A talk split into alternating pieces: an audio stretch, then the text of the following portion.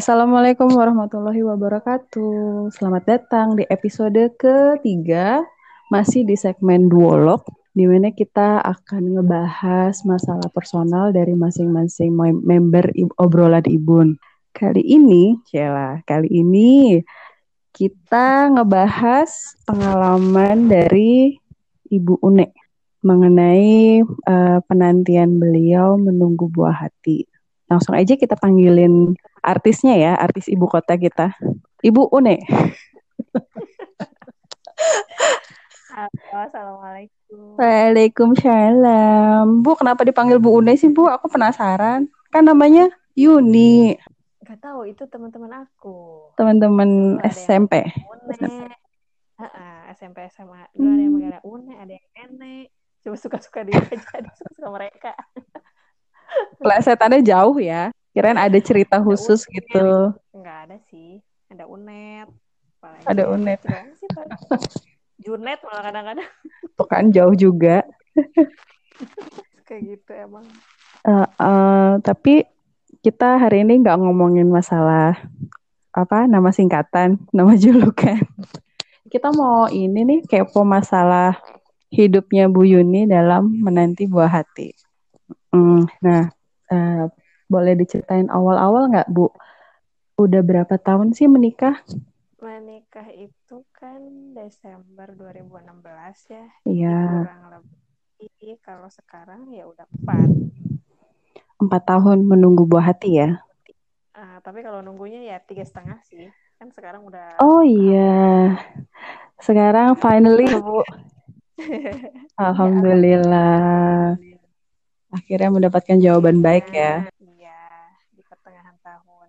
Kalau boleh tahu cerita pahitnya di awal-awal pernikahan nunggu buah hati itu Bu, boleh tahu nggak? Jadi uh, tadinya sih aku nggak check up check up ya, mm. kan katanya nanti aja check up itu kalau udah setahun kita gitu kan, kalau baru bulan itu check up ini check up medis yang seluruh gitu kayak apa uh, kolesterol gitu-gitu atau check up khusus kehamilan? Up khusus ini rahim. Oke. Okay, uh. Hmm, ke objin gitu kan. Uh -uh. Tuh, nah, tapi bulan keenam nikah itu aku tuh sakit. Nah sakitnya itu sebenarnya kayak masuk angin ya, muntah-muntah gitu. Salah bu, gitu cuman mau diobatin apa-apa nggak sembuh-sembuh diobatin pakai obat masukan nggak sembuh pakai obat mah nggak sembuh gitu ini mm -hmm. apa aku bilang kan. Mm -hmm. tapi juga aku nggak telat head nggak telat menstruasi gitu kan. Jadi suami kamu dicoba aja ke dokter kandungan kata gitu. Kali aja bener hamil meskipun di tes uh, negatif. Udah kita positif thinking banget ya. Kan kita kan di awal-awal juga mungkin pasangan muda juga nggak belum mikir sampai ke arah sana kan?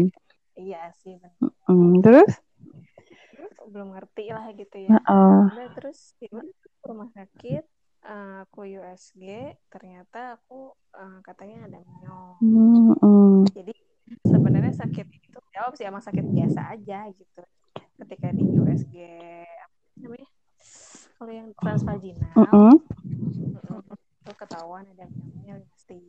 5 senti. Oh, ya Allah. Itu tergolong besar ya? Lumayan besar atau masih stadium awal gitu? Kata dokternya sih besar, lumayan. Hmm, gitu. Ya, dokternya langsung kayak ngejaji gitu sih. Terus operasi gitu-gitu. Jangan herbal-herbal ya, katanya langsung operasi gitu. Mm -mm. Kita tuh langsung shock ada jelasinnya gimana gimana gitu loh. Iya, uh, uh, maksudnya pasangan baru tiba-tiba dihadapkan masalah uh, kayak gitu kan? Uh -uh. Kan bingung ya, langsungnya itu kenapa gitu kan awal awalnya dari mana, uh -uh. ngejelasin atau apa kayak gitu. Ini enggak dokternya kayak buru-buru karena emang ngantri banget sih pasiennya. Uh -uh. gitu. Udah gitu kan weekend, weekend mah tahu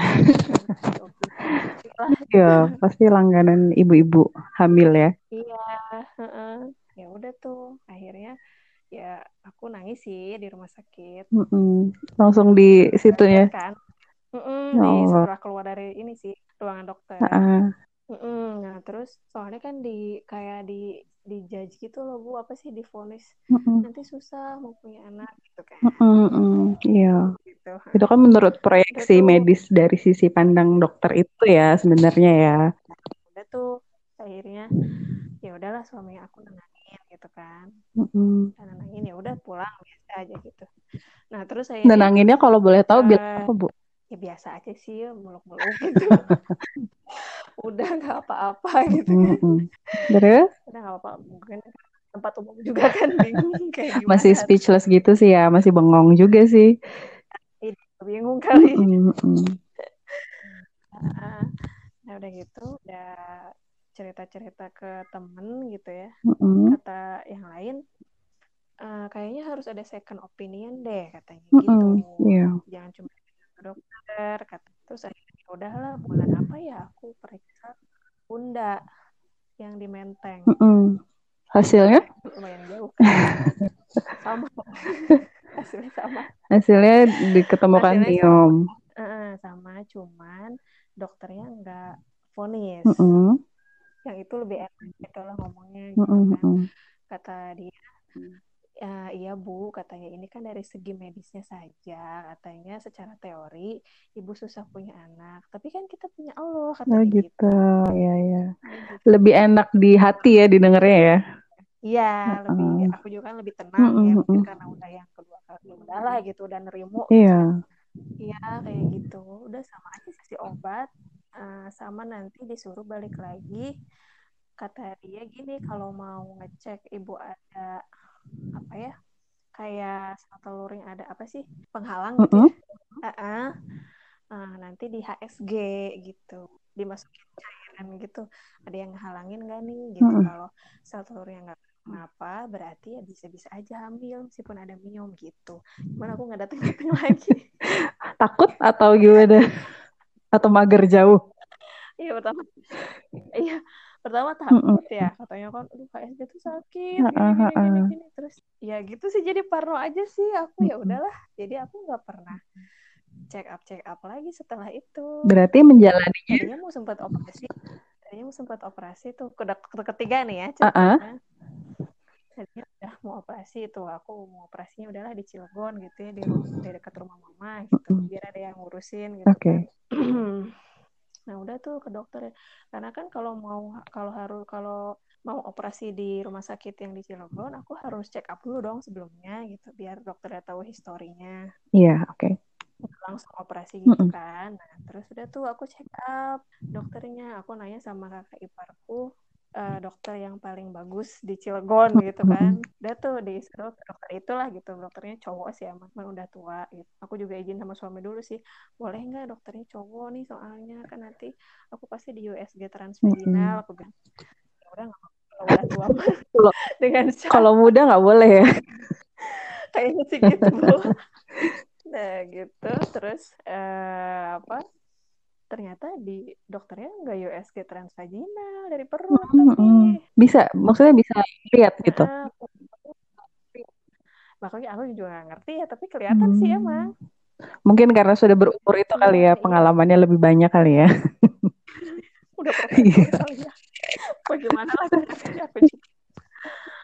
Terus kata dia nggak usah operasi oh gitu. Padahal aku itu mau operasi berarti anjuran dokter yang terakhir ini bisa tanpa operasi? Iya. Hmm. Sakit kan katanya gitu. Enggak dok, mengganggu nggak aktivitas katanya gitu.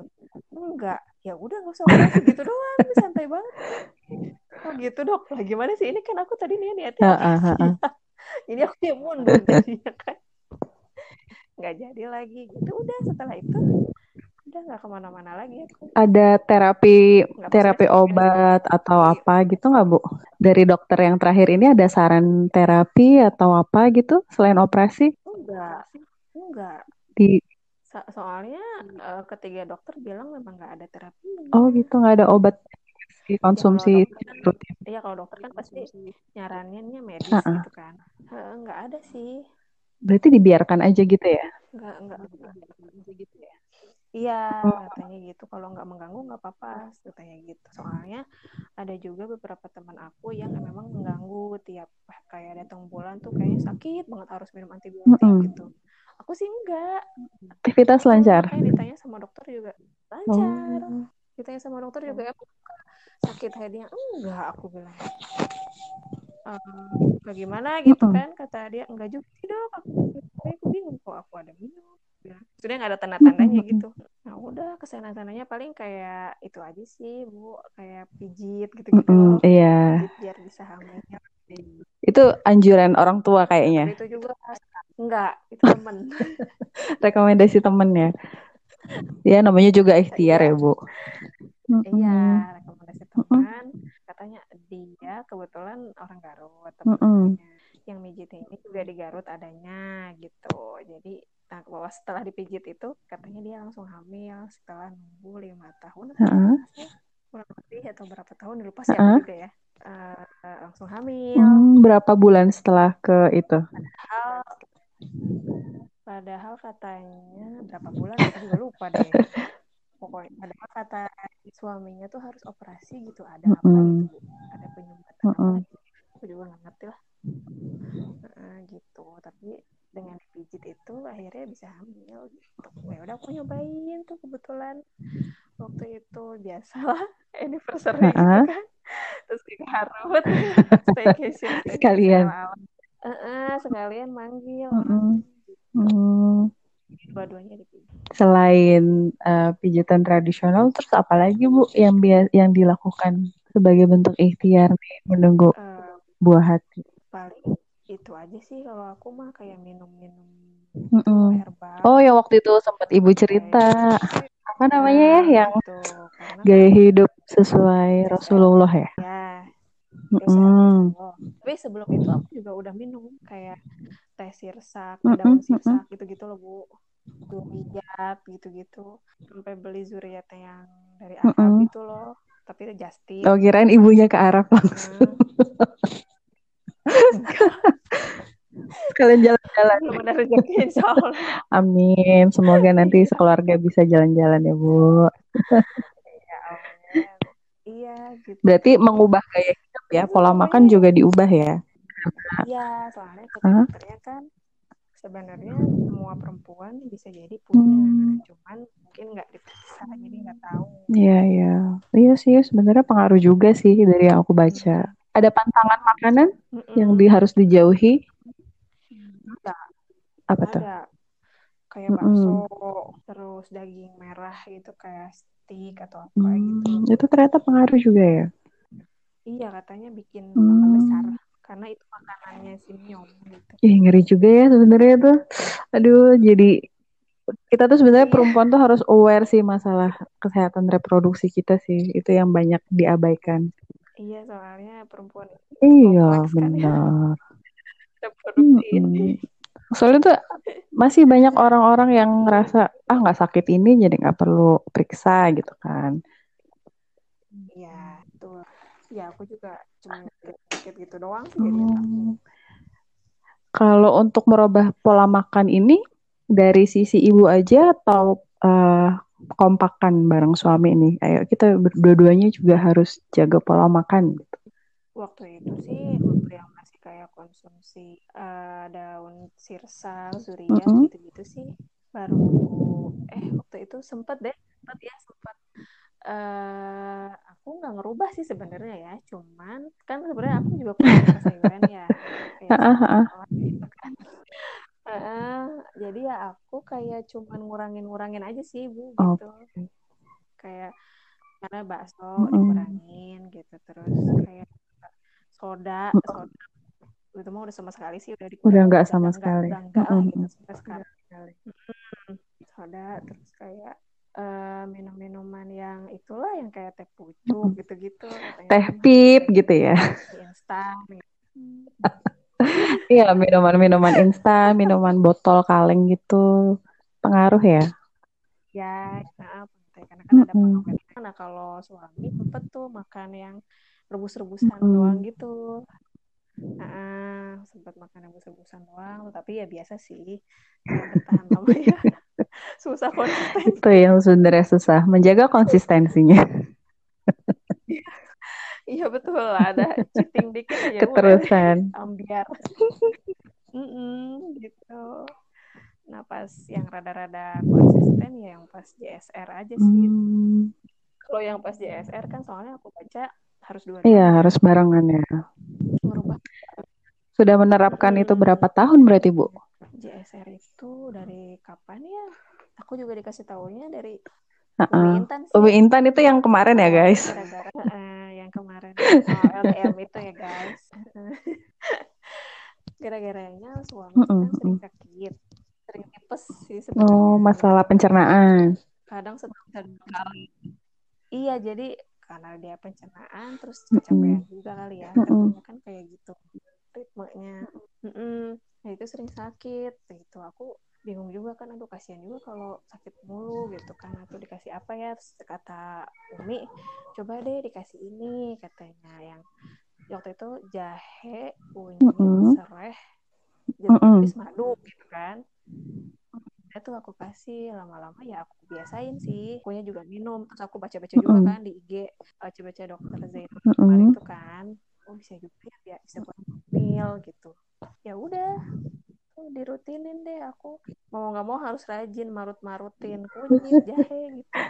Nggak apa-apa tangannya kuning-kuning dikit ya yang penting sehat ya bu. Iya benar itu dari tahun berapa ya 2017 18 19 apa ya? Enggak sih belum pernah bumi kan 2018-an berarti lumayan ya udah dua tahun lebih ya? Iya. Ya nggak konsisten juga sih kadang-kadang. Ya gitulah kendor gitu kan. Apalagi pas corona. Pas corona mau sama sekali nggak bikin. Iya karena nih sibuk ritme ritme ininya berubah kesibukannya berubah ya ya nah WFH terus kan jadi pengennya makan mulu gitu. Kan terus nyoba masak ini nyoba masak itu semua dimakan jadi udah ambiar ini corona aja iya, udah setahun kan berarti. Masih stay. pokoknya itu deh pas corona pas corona enggak. Sama sekali enggak udah bikin jamu-jamuan DSR itu udah enggak gitu. Tapi memang selama um, merutinkan mm -hmm. itu rasa katanya di badan enak enteng terus aku juga kan uh, sama sih dari Umi juga ya tahunya mm. saffron gitu kan kadang-kadang dia aku bekelin ke kantor gitu saffron gitu ya udah alhamdulillah sih. ada pengaruh ke ukuran miomnya nggak bu saya berkala gitu nggak Nah, itu Mungkin karena saking takutnya ya. Akan ada tuh orang yang kayak gitu. Iya. Iya. Saking takutnya. Iya, aku tuh orangnya tipe-tipenya iya. apa ya, mikiran gitu. Jadi kalau ngecek itu dipikirin terus nanti aduh kok nggak pokoknya gitu-gitu jadi aku dibawa pokoknya berpegangan gitu. kepada dokter yang terakhir itu ya selama itu tidak mengganggu aktivitas dibawa enjoy dan positive thinking ya. Iya. Nah, kalau boleh tahu nih Bu, pernah ada istilahnya tuh kayak pillow talk uh, dengan pasangan selama menunggu kayak kok kita hmm. belum dikasih-kasih ya atau gimana gitu nggak? Hmm, sebenarnya mm talk mah ya sering ya, tapi nggak ngobrol. Ngomongin tetangga bukan? Jujur nggak ya? uh, kira malah kadang uh, aku yang terlalu pengen dia yang terlalu cuek gitu. Uh, aku kadang mikirnya gitu. Uh, suami masih santai-santai aja gitu. Soalnya gitu. iya dia tuh nggak pernah yang gimana. Sebenarnya dia uh, pengennya mm -mm. operasi sih. Uh, pengennya tuh aku operasi jadi awal-awal uh, kayak herbal herbal tuh kayak kayak mm -mm. kayak nggak percaya yeah. gitu loh bu bakal mungkin tipe-tipe nah, orang yang ini apa gitu. uh, sesuai data sesuai fakta gitu kali ya iya oh, gitu uh, ya dokter aja karena akunya uh, takut mm -mm. besar ya kan lah gitu kan itu butuh persiapan mental juga, apa uh -uh. persiapan mental juga tuh kan kalau aku ya takut ya gimana kayak gitu sih jadi maju mundur aja cuman uh, kalau ngobrolin yang pilot talk yang sampai gimana gitu nggak ada yang kenapa ya gitu paling, enggak iya paling kayak gimana ya uh, mungkin kita ya udahlah sebelum dikasih omongan uh, juga kayak semuanya di mm, ada hal-hal lain yang lebih yang dimudahkan. Hal lain uh -uh. bisa disyukurin lah gitu karirnya lancar dua-duanya kan alhamdulillah. Ya, gitu. Iya, ya, yang lebih lancar dia sih. Iya, sebenarnya rezeki itu datang dalam berbagai bentuk ya. Iya, aku, aku juga positif sih. kayaknya ya udahlah aku mungkin belum dikasih kepercayaan gitu.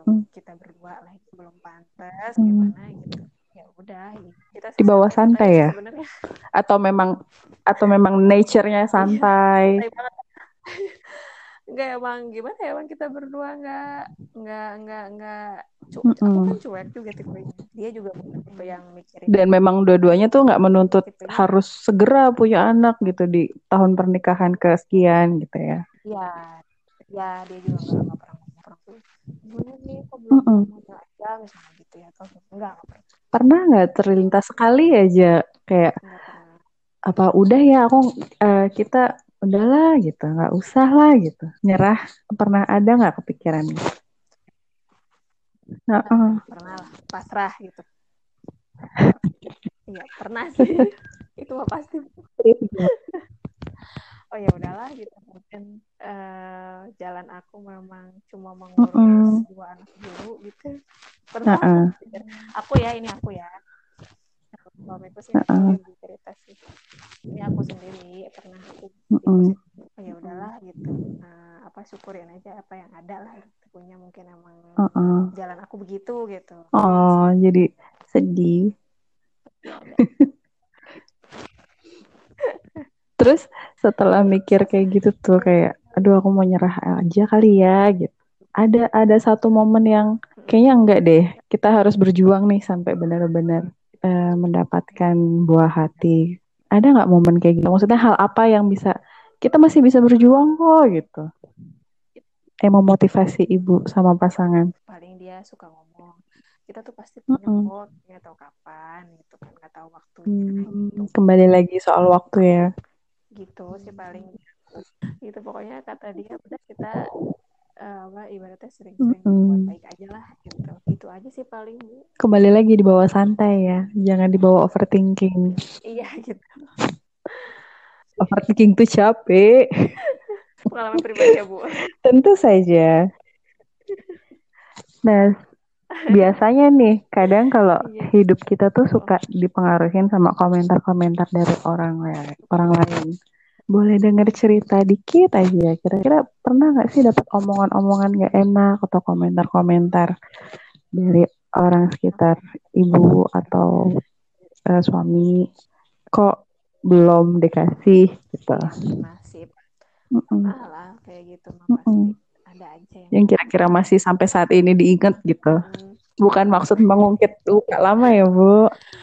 Uh, ada sih tapi kalau komentar-komentar kayak yang ringan gitu paling nanya di kantor gitu kan paling uh, eh, AB ya atau gimana? Katanya terus ditunda gitu kan.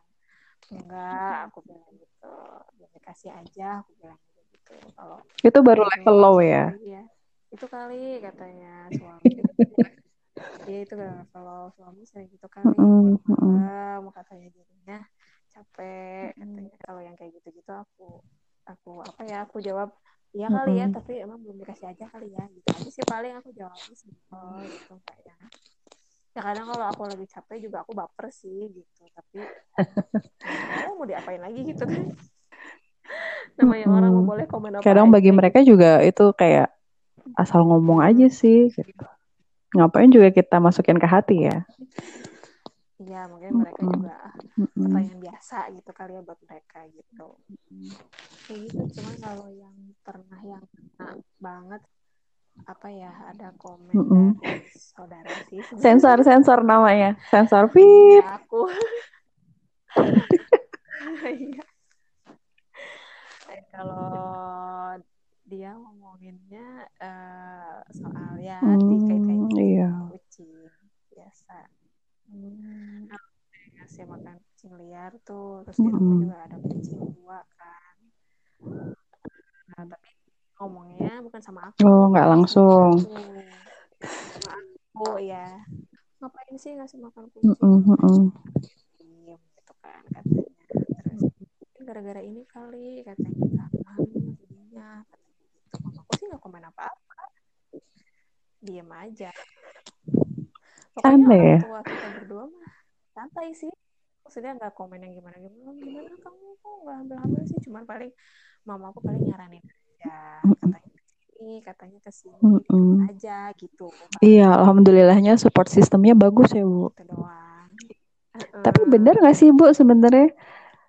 Kan ya tadi tuh kita ngebahas omongan orang mengenai si anak bulu ini pengaruh terhadap kehamilan. Nah kalau dari uh, ibu sebagai pemilik kucing ini berdasarkan pengetahuannya ibu nih ngaruh nggak sih bu?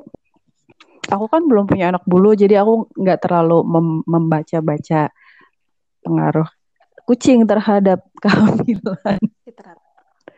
Uh, ada ngaruhnya memang, tapi ya balik lagi sebagai kita sebagai ownernya aja kalau kita yang ngurusnya mm -hmm. uh, apa bersih gitu, ya nggak bakal sih, karena kan uh, tokso itu mm -hmm. dari kotorannya ya.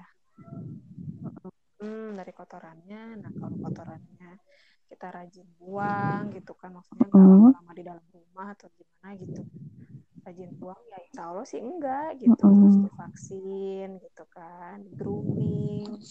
Insya Allah sih enggak. Soalnya banyak orang beranggapan bukan tokso itu dari bulu, bukan dari kotoran memang bisa mm -mm. kotoran ini kan bisa nempel ke bulu ya bu dia kan mm -mm. atau apa gitu ya dari ekor gitu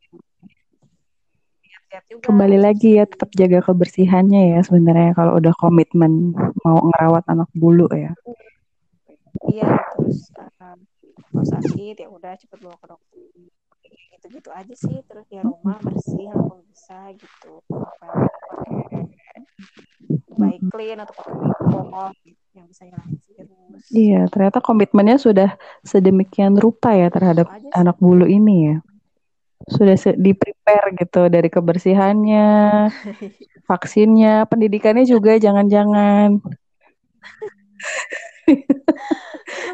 Biar tata keramanya ada. Iya, karena aku lihat aku lihat ibu sama um, bapak ini segitu perhatian segitu apa komitmennya ngejaga apa ngerawat kucing kayak memang sudah dipersiapkan gitu mau pelihara kucing ya pengeluaran yang harus disiapkan ini ini ini gitu ya iya ya karena balik iya lagi ya, kalau kenapa-napa kan kita kan ada ada juga tipe tipe owner yang kalau udah sakit ya udahlah nggak usah diurusin lagi gitu uh, uh, namanya udah sayang susah ya bu Yeah, yeah. Tapi memang lucu sih Brave sama Joy itu. Mungkin bagi teman-teman yang mau lihat bentuknya Brave dan Joy bisa mampir ke Instagram ya Ibu Yuni. Oh mereka udah punya ini akun TikTok ternyata. Bentar lagi yang joget-joget itu mereka berdua. Baru satu ya. Bahaya ntar. apa-apa, biar bisa beli propline sendiri daripada ownernya iya gitu soalnya kan mm -mm. Uh, ada beberapa penyakit mm -mm. yang ngaruh ke manusianya ya yeah. ya kayak skabies itu kan bu kalau dia kutuan itu kita juga kalau imunnya jelek yeah. atau kita lagi gimana ya tetap aku juga soalnya pernah kena gitu mm -mm. skabies gatal-gatal juga nggak enak gitu kan ya udah jadi semenjak itu ya udah ya semakin aware dengan kebersihan ya iya hmm? daripada kita kenapa-napa gitu toh aku juga awal-awal hamil juga tes tokso juga sama mm -hmm. direkomendasiin sama dokternya kan saya punya kucing bu gitu oh ya udah kalau yang punya hewan berbulu kayak kucing kelinci harus tes tokso emang di awal kehamilan takutnya kalau memang positif bisa dicegah hmm, gitu, gitu. sedini mungkin mm katanya kan kalau bayinya kalau kita lagi hamil terus kena tokso mm-hmm. katanya berarti memang disarankan ya harus dilaporkan dulu ke maksudnya kita cerita ke dokter nah. objinnya ya kalau pelihara kucing atau hewan lain yang iya. berbulu mm dokternya juga nanya kok emang kucingnya liar? Enggak kucing rumahan. Oh ya udah nggak apa-apa katanya. So vaksin. Iya vaksin. Ya udah. Iya lengkap banget makanya begitu aku ya. tahu Aduh. Jadi mitos dan fakta pasti. pelihara kucing itu sebenarnya kembali lagi ke kebersihan si ownernya ya, Bu. Dan komitmen mereka ngejaga si anak ya, bulu ini dari persiapan vaksin, grooming. Iya. aja soalnya Dari apa? itu cuma dari kucing kok soalnya aku pernah tuh baca di komen uh, salah satu Mm -hmm. Yang shelter-shelter Mm -hmm. gitu ya rescue kucing gitu ya uh, dia ngebahas ini apa yang itu kan ada yang komen aku kucing katanya mm -hmm. uh, anjing mm -hmm. tapi aku kena tokso karena dia memang mm -hmm. suka mengkonsumsi sayuran mentah gitu. Iya. Kayak lalaban gitu kali ya salad atau apalah gitu. Ternyata bisa ya lewat sayuran Nah, mentah ya. Iya, berarti jangan salahkan kucing ya guys. kucing itu lucu. Iya. Berarti Bu sekarang Tuh. usia kehamilan masuk berapa bulan? Eh bulan ke berapa? Masuk ke sembilan sih, tapi kalau sebentar lagi ya Bu. ibunya 35. Alhamdulillah ya, insya Allah Ya, sehat-sehat. Berarti kalau bisa diambil hikmahnya ini dari menunggu si baby ini, kira-kira apa Bu? sabar menghadapi ya gitu kan ya kadang-kadang. Padahal dari keluarga dari keluarga inti Orang lain yang riweh. aja gitu. Oh, iya dari orang lain. Ya gitu aja sih Bu, paling lebih sabar, lebih apa ya? Ya mungkin Mm-mm. lebih harus lebih positive thinking gitu ya. Kalau Mm. ya ini tuh semua ada waktu yang tepat lah ya. Hidup ini bukan perlombaan guys, ya. Ya Hmm. gitu loh, bukan perlombaan kapan mau punya anak, kapan mau nikah gitu. Kalau yang dari aku lihat sih sebenarnya sama bapak ibu ini mereka diberi baby setelah settle. Settle secara finansial, settle secara emosional. Iya bisa jadi bener. Karena awal-awal nikah itu kan sering berantem tuh kan pasti karena biasalah adaptasi ya. Kalau awal-awal nikah kan, ibaratnya hal kecil aja diberantemin gitu. Kalau sekarang kalau setelah dua tahun tuh kan, aku sih ngerasanya dua tahun pertama ya. Setelah dua tahun sih komunikasi udah enak gitu kan. Apa-apa kayak maksudnya kalaupun ada yang grundel atau apa, kadang ad- nggak perlu Sudah tahu juga sih gitu pakemnya kan ya. sendiri gitu. Kecuali emang itu hal hal yang penting gitu Iya, ya. kalau yang aku Hmm, lihat gitu. sih gitu. Soalnya kan kalau misalnya dari pengalamanku nih, aku di dikasih anaknya memang langsung. Cuman kekurangannya adalah aku tidak dewasa secara emosional, masih yang meledak-ledak gitu. Apalagi kan waktu itu hamil sambil kerja, stres banget. Terus secara Iya. hmm, kerasa kan, Iya, secara finansial juga settle. Jadi sebenarnya tuh ada plus minusnya sih. Heeh. Gimana cara kita memanfaatkan waktu aja ya sebenarnya. Iya. Iya betul. Ya gitu juga aku bilang sama suami ya mungkin itu kali Mm, mungkin kita dimudahkan hal yang lain setelah itu baru dikasih gitu kali soalnya eh, dokter kandungan aku ini ya beberapa Iya. dokter bilangnya "Fen, kenapa bisa punya given Miracle ya termasuknya ya, Bu. bisa punya anak gitu iyalah gitu pada bilangnya gitu dokternya. Aku bilang, Jadi "Ya untuk gitu." ibu-ibu di luar sana yang mungkin punya pengalaman yang sama juga jangan patah semangat ya. Kembali lagi ini kan urusan Allah. Allah yang ngasih. Iya, iya benar. Ya bukan Mm, lama-lamaan nikah Iya. sebentar-sebentaran nikah gitu kan. Ya belum waktunya aja sih mungkin gitu. Mm-mm. Ya nikmatin dulu aja lah berdua gitu. Maksud aku kalau dikasih ya udah oke jalan-jalan gitu ke mana. Nggak usah Tidak soalnya disengajain aku promil ya. aku nggak promil gitu. Aku nggak promil kayak. Eh, eh, aku kan secara medis nggak promil gitu kan karena kalau promil itu memang harus eh, ini banget sih stick banget sama planningnya kayak misalnya Oh jadwal di jadwal. berhubung aja di Hmm. jadwal sama dokter Takutnya jadi beban pikiran gitu. Kalau aku ya mikirnya ya. Ah, kalau aku pribadi sih gitu karena Hmm. suami aku tipe kerjaannya ya begitu kan Mm-mm. bukan yang tipe bisa pulang cepat Yang hektik banget. gitu loh bu Heeh. Hmm. iya yang hektik yang nggak nggak kenal waktu lah gitu aku takutnya nggak bisa nurutin jadwal bener itu sih. gitu kalau aku promil ke medis itu kan nggak mubazir udah ya. mahal-mahal tapi iya.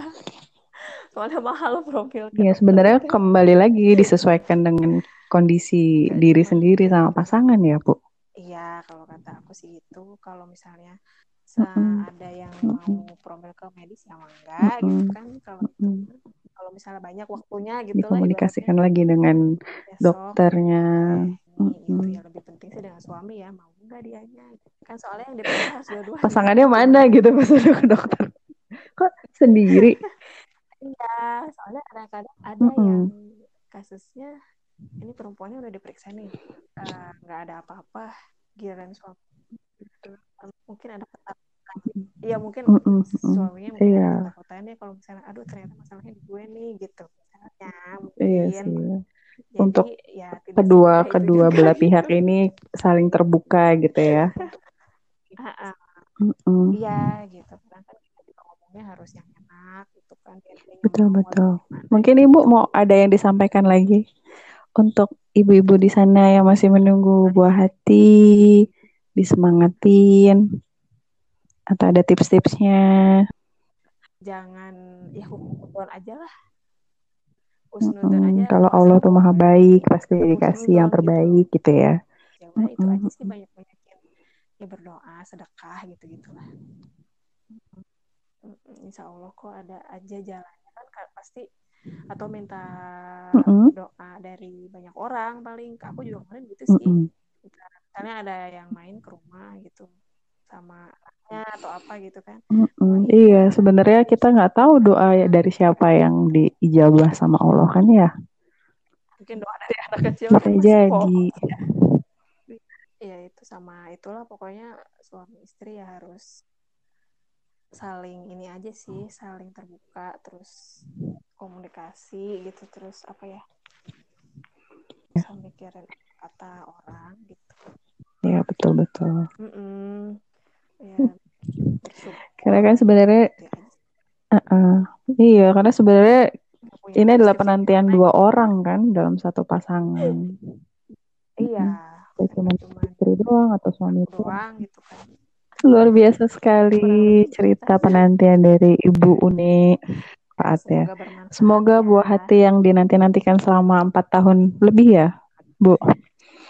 Tiga setengah tahun ini sehat nanti saat sampai di dunia. Sehat untuk ibunya juga. Ya, semoga nanti si baby ini, baby siapa sih, Bu? Udah ada inisialnya belum? Ada baby N ya adalah BBN gitu ya nama masih dirahasiakan karena nanti akan press release ya pas lahiran Ya, semoga menjadi yeah. cahaya kebahagiaan untuk kedua orang tuanya. Cia. Sehat-sehat ya, Bu. Ya. ya, Assalamualaikum warahmatullahi wabarakatuh.